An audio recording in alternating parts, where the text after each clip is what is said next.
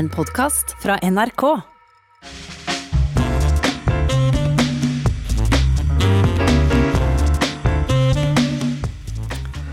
Når eh, Verdens økonomiske forum samler de mektigste og rikeste i den sveitsiske vintersportsbyen Davos, er det utviklinga i stort som står på dagsorden. Der blir det samla kunnskap om det som påvirker både nåtid og framtid, og der er du sentral, Børge Brende. Velkommen. Tusen takk. Her hjemme så kjenner vi deg som framstående Høyre-politiker gjennom mange år, senest som utenriksminister fram til høsten 2017. Nå er du president i Verdens økonomiske forum. Hva står egentlig denne organisasjonen for? Så World Economic Forum er 50 år eh, og ble starta med den ideen at man med å ha næringsliv eh, til å samarbeide med myndigheter og sivile samfunn, så kan man skape partnerskap som man kan få gjort enda mer i å skape en eh, bedre verden. F.eks. sånn som under Davos-uka i år, som var digital for første gang på 50 år. Så ble vi enige om uh, standarder for alle selskaper som de skal etterleve. Uh, Knytta til miljø, sikkerhet, sosiale standarder og kampen mot korrupsjon. Og dette forplikter selskapene seg til å forholde seg til fremover. Så vi forsøker å også eh, utfordre privat sektor. Altså, Davos-møtet det er jo et begrep for mange, og det blir jo flittig rapportert fra det, også i norske medier. Hvordan var det å ha det digitalt i, i år? Det var fascinerende. Vi var jo veldig spent på om vi greide å samle verdens ledere og også de sentrale Eh, businesslederne i verden, men det greide vi. Og vi hadde jo også mange flere uh, seere kan du si, enn vanlig. fordi uh, til sammen i løpet av den uka så var det 50 millioner som hadde fulgt med på en eller annen uh, måte. Så dette var jo en åpning også av Davos, som noen ganger har blitt fremstilt som noe mer eksklusivt. Og det blir det jo når det er verdens ledende politikere og forretningsfolk også fra sivile samfunn eh, som møtes. Så vi lærte noe på at vi skal også i fremtida, når vi kan gjøre det fysisk igjen, skal flere av sesjonene være åpne, og de skal sendes digitalt på weben. Så sånn sett kan du si at eh, den nedstengninga fører til, til, noe positivt? Ja, jeg, jeg mener det. Og så har vi jo måttet endre hele vår businessmodell også eh, ved World eh, Economic Forum eh, nå siste året. Det meste var jo såkalte analoge fysiske møter. Og vår, det har jo vært en fascinerende Jeg føler jo på mange måter at det siste året har vært som et helt tiår. Men det er vel mange av oss som føler det pga. pandemien. Ja, det tror jeg trygt du kan uh, slå fast. Uh, men la, la, meg spørre deg, nå har vi jo snakka om formen på, på, på, dette. Men hvis en går på innholdet, hva for vær ser dine analytikere for seg når pandemien en gang slipper taket? Den uh, etterlater dessverre en del fotspor som ikke er så positive. For første gang på 20 år så ser vi at det blir flere ekstremt fattige på jorda. Vi regner med at uh, om et års tid så er det en 150 millioner som uh, har uh, blitt i kategorien ekstremt fattige. Vi ser også at mange økonomier har krympa, og spesielt i de fremvoksende markedene og i utviklingsland så har de ikke den samme muligheten til å bruke de finansielle musklene til å stimulere økonomien. I eh, Europa og USA så har man eh, nærmest ubegrensa ressurser, iallfall på kort sikt. Mens i mange fattige land så har man ikke den muligheten. slik at Man har ikke greid å skape en bru fra eh, det at ting var normalt, til at det blir normalt igjen. Og så ser vi også det, effekten av den store digitale de digitale ulikhetene i verden. 3,6 milliarder mennesker har ikke tilgang på internett. Og hvordan skal de håndtere en situasjon hvor nå alt har vært eh, på nettet og eh, digitalt? Det tror jeg blir en av de store utfordringene, og det skaper store ulikheter. Eh, jeg har sett uttrykket 'risikolandskapet' brukt. For forumet du leier har siden 2006 utarbeidet årlige risikoanalyser. og jeg har lest meg til at helt siden 2006, altså i 14 år, så har det der advart mot en, at en stor pandemi vil sette verden på prøve. Ja, det er helt riktig det. Og i den første utgangen i 2006 så var det dette med helsetrusler og pandemier en uh, viktig sak. Det viser jo òg at uh, vi mennesker er uh, ikke så dyktige til å, forberede oss på ting som vi ikke virkelig føler på kroppen. Etter SARS og ebola så burde vi jo ha tatt flere skritt for å beskytte oss mer mot pandemier. Jeg tror jo også dette er prisen vi betaler for at eh, naturen eh, og villmarka krymper. Vi får dyrelivet nærmere på oss. Eh, så dette henger jo også sammen med en annen risiko som vi har understreka i alle disse årene, det er klima. Og Der er jo også problemet at vi har foreløpig ikke for fullt sett effektene av klimaendringene. Og da har menneskene og vi som mennesker Eh, store utfordringer med å være villig til å gjennomføre selv små tiltak for at de koster litt, for å unngå de store, dramatiske eh, konsekvensene og kostnadene i fremtida. Men jeg håper at eh, denne pandemien er en lærepenge. Og det virker som det skjer mye nå på klimafronten som ikke har skjedd de 20 siste årene. Ja, Du snakka om dette med lærepenger, men eh, det var jo ei internasjonal gruppe der også Gro Harlem Brundtland hadde sin naturlige plass, som advarte så seint som høsten 2019 mot konsekvensen av en pandemi, uten at eh, de fleste land tegna noe forsikringspremie av den grunn. Det var jo en eh, kardinaltabbe av verden å ikke være forberedt. Vi hadde jo ikke beskyttelsesutstyr, så vi var uforberedt. men så må man jo også si at det er imponerende at eh, ikke minst privat sektor gjennom legemiddelindustrien har i løpet av under et år eh, bidratt til masse ulike vaksiner som det vanligvis tar åtte til ti år å utvikle. Så det har vært en utrolig skippertaksmentalitet. Og forhåpentligvis så ser vi jo nå lys enden av eh, tunnelen når det gjelder pandemien pga. vaksinering. Eh, og eh, vilje til nå å ta eh, dette på alvor, bruke munnbind og lignende. Tror du den holdninga der vil vare også når pandemiene kommer mer i bakgrunnen, og, og, og, og en står overfor ja, stadig nye krav, nye, eh, nye, gode saker å bruke pengene på? Jeg skulle ønske jeg kunne svare ja, men jeg er veldig i tvil. For vi eh, mennesker er veldig snart til å glemme. Hvis denne pandemien er over eh, på dette tidspunkt kanskje til neste år, og vi går inn i en sommer, så tror jeg vi også har lett for å glemme. Men samtidig så er jo det en styrke på én måte, fordi at dette er jo eh, en, en, veldig deprimerende situasjon, selvsagt, med en pandemi. Eh, så vi kan jo ikke gå rundt og være tungsint, men det må jo føre til at vi er villige til å investere noe i forebyggende fremover, slik at vi slipper at dette gjentar seg.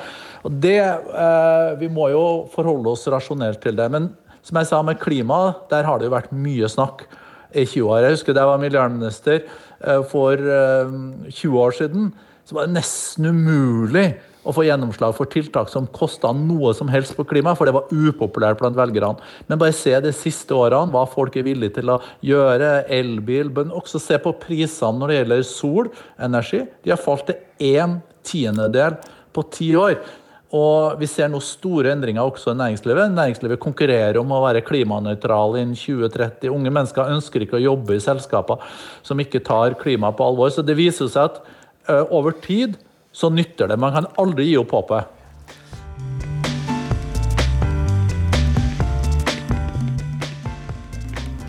Ja, Du er fremdeles med, Børge Brende, tidligere utdanningsminister og nå president i Verdens økonomiske forum. Vi har en stund nå sett ei vær med stadig sterkere motsetningsforhold mellom USA og Kina. Og det er vel ingen grunn til å tro at presidentskiftet i USA vil endre på dette, er det det? Det tror jeg ikke. Men jeg tror det er en eh, annen eh, stil som vil prege Hvite hus. Jeg tror det blir større forutsigbarhet.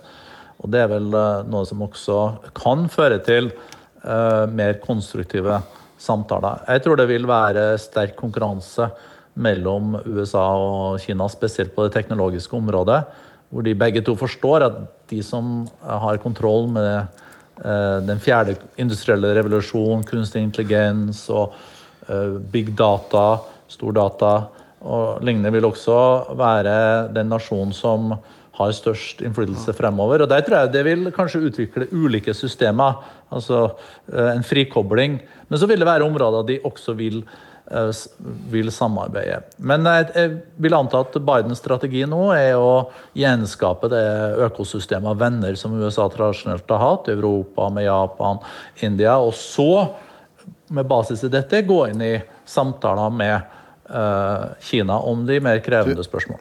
Ja, du, du, nevnte at du trodde det kom en annen stil i, i, Washington. Du var jo vert for Donald Trump i, i, i Genéve. Var han en var han en eh, vanskelig gjest å ha på besøk?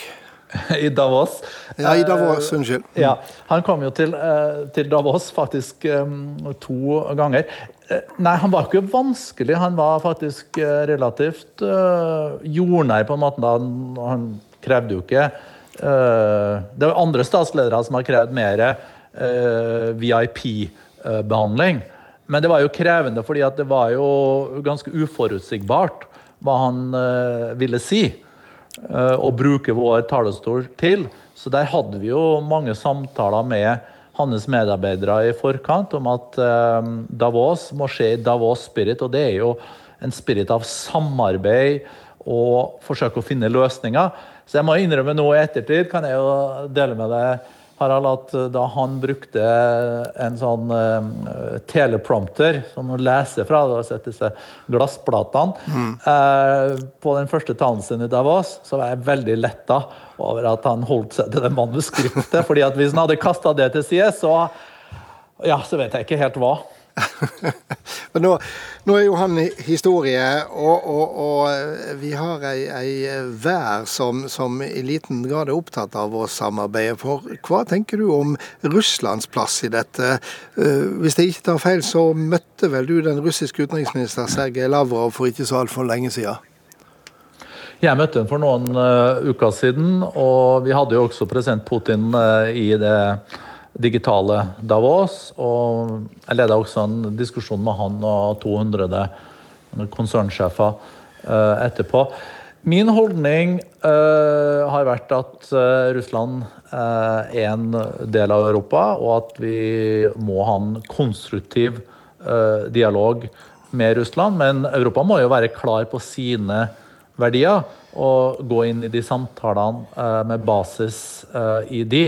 Men for å løse mange av de konfliktene som også er internasjonalt, jeg tenker på i Syria, i Libya, eh, også ellers, så f.eks. Iran òg, når det gjelder atomvåpenprogrammet deres, så er man jo avhengig av å ha en eh, dialog. Men jeg har jo hatt mange krevende samtaler med eh, Sergej Lavrov eh, da jeg var utenriksminister, bl.a. da det kom 5000 såkalte asylsøkere over Storskog i løpet av en ukes tid syklende. Det var nok eh, ikke akkurat eh, et høydepunkt i relasjonene mellom Russland og Norge. Men har, eh, hvis du ser det i etterkant, har, har vestlige land vært for harde i forhold, for steile i forhold til Russland etter Ukraina-invasjonen, eller Krim-invasjonen, unnskyld, i, i 2014? Nå har jeg jo en annen rolle her ved Forum, så jeg går jo ikke inn i den type veldig, veldig uh, liksom ladde uh, diskusjoner. Men uh, jeg står helt inne for det som regjeringa Solberg gjorde, og jeg gjorde som utenriksminister også i årene etter Ukraina. Um, Fram til for få år siden så var det jo hylling av forpliktende internasjonalt samarbeid som gjaldt. Nå er motsetningene store, og mange land holder seg med nasjonal alenegang og nasjonale løsninger. Er vi midt i et sånt tidsskifte nå? Ja, det vil jeg si. Det er uh, Etter den uh, kalde krigen så var jo USA relativt uh, dominerende med 25% av verdens verdiskapning, 40% av den militære kapasiteten i verden. Men i dag ser du jo bl.a. et Kina som Kina og USA har kanskje halvparten av verdens verdiskapning til sammen. Så det er på mange måter et G2, men det er også mange andre fremvoksende nasjoner. Og vårt internasjonale system, også FN, og Bretton Woods-institusjonene, sånn som Verdensbanken og Pengefondet, er jo tilpassa Eh, en verden hvor eh, Europa og USA var dominerende. slik at vi må forsøke å finne nye måter å samarbeide på. Men utfordringa er at det er mindre samarbeid, men det er større behov for samarbeid enn noen gang. fordi utfordringene vi står overfor, kjenner jo ingen grenser. Covid respekterer jo ingen grenser. Eh, det gjør ikke klimaendringer heller. Og mange av de andre utfordringene. Jeg ehm, har lyst til å ehm, helt til slutt komme inn på en annen ting. fordi at Når eh, Verdens økonomiske forum ser på de største risikofaktorene for de kommende åra, ja, så er større forskjeller, som vi har nevnt, men ikke minst desillusjonert ungdom som har mista trua på framtida, eh, en viktig del. En stor risiko, rett og slett. Det er det, og ikke minst nå under og etter covid, så er det mange unge mennesker i verden, milliarder, som har utfordringer med å skaffe seg um, en jobb, iallfall en decent uh, job. Og det uh, skaper selvsagt uh, mye um, frykt. Frykt for fremtida. Og i tillegg så har jo den sosiale markedsøkonomien som har uh, bidratt til så mye positivt, det må vi ikke glemme. Vi har jo dobla verdens verdiskapning siden 1990. og vi har gått fra 40 ekstremt fattige i 1990 til 10 eh, nå. Den har samtidig de senere årene også skapt økende forskjeller i industrialiserte land og mellom land. Det vil si at uh, mye av velferden har ikke kommet alle til gode. Og selve kontrakten i et markedsøkonomisk system er jo at alle må få det bedre. Og økende forskjeller Eh, i den grad vi har sett i en senere tid, de må vi rett og slett ta på alvor. og Det skaper usikkerhet. Og så må vi finne måter å eh, løse dette på og adressere det uten at vi svekker vekstkraften Eh, for mye. Slik at Man må være villig til å se på skattesystemet eh, for forbe- eh, til fordel for en bedre fordeling og lignende. Slik at, og vi vet også at lavskatteland er en utfordring. Så det er komplekst, men vi må rett og slett bli mer inspirert av den nordiske modellen, hvor vi har verdiskapning, men vi har samtidig åpne markeder, men samtidig mer egalitære samfunn. Og så er det i alle fall et uh, stort og skremmende tankekors uh, hvis en kommer i en situasjon der nettopp de unge mister trua på uh, framtida. Tusen takk for at du var med oss fra Genéve, Børge Brende. Og så runder jeg av med min faste kommentar. Her er denne vekas Stang inn, stang ut. Denne veka er det freistende å eh, snakke om den sjeldne kombinasjonen av personlig og politisk mot. For den siste tida har vi fulgt den russiske opposisjonslederen Aleksej Navalnyjs reise tilbake til Russland. Heimlandet, der han i august ble så grundig forgifta av nervegass at han bare så vidt berga livet. Likevel dreg tobarnsfaren attende, og vært straks fengsla av styresmakter som er livredde hans mobiliserende kraft og kritiske avsløring av maktmisbruket til den russiske eliten. Vi kan bare spekulere rundt hva for type menneskemateriale en mann som Aleksej Navalnyj er laga av men vi veit at han representerer en type mot som er med på å gjøre verda sunnere. En type mot vi knapt skjønner betydninga av før vi ikke lenger har det mellom oss. Jeg eh, tenker i grunnen det samme om et annet navn i nyhetene denne veka. For statskuppet i Burma har igjen satt Aung San Suu Kyi bak låste dører. I mange sammenhengende år satt hun i husarrest. Hun fikk ikke oppleve å se de to sønnene sine vokse opp. Ikke engang mannens dødsleie kunne hun reise til, fordi hennes misjon var i heimlandet Burma. Det personlige motet hennes gjorde at Aung San Suu Kyi forblei trufast mot oppgåva si. Som vi veit, fikk hun i 1991 fredsprisen for måten hun førte kampen på. Det skulle gå nærere 20 år før hun var fri nok til å reise til Oslo for å takke for prisen. Men Burma tok store steg mot en demokratisk samfunnsorden. Det var det som gjorde at hun kunne komme for å takke. Og det har de i grunn hatt i snart ti år nå. Sjøl om forfølginga av minoriteten rohingyaene er en skamplett, også på Aung San Suu Kyis ettermæle fra åra da hun ikke satt i husarrest, men gikk fritt i maktens korridorer. Nå gjør hun ikke det lenger. Og igjen ser vi det oppofrende motet denne snart 76-årige kvinna har så mye av. Det som kjem innanfra hos mennesker som brenner for ei større sak enn dei sjølve, og som difor er villige til å betale sjøl den høgaste prisen. God helg.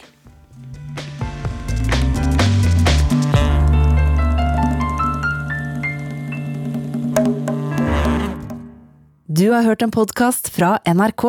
Hør flere podkaster og din NRK-kanal i appen NRK Radio.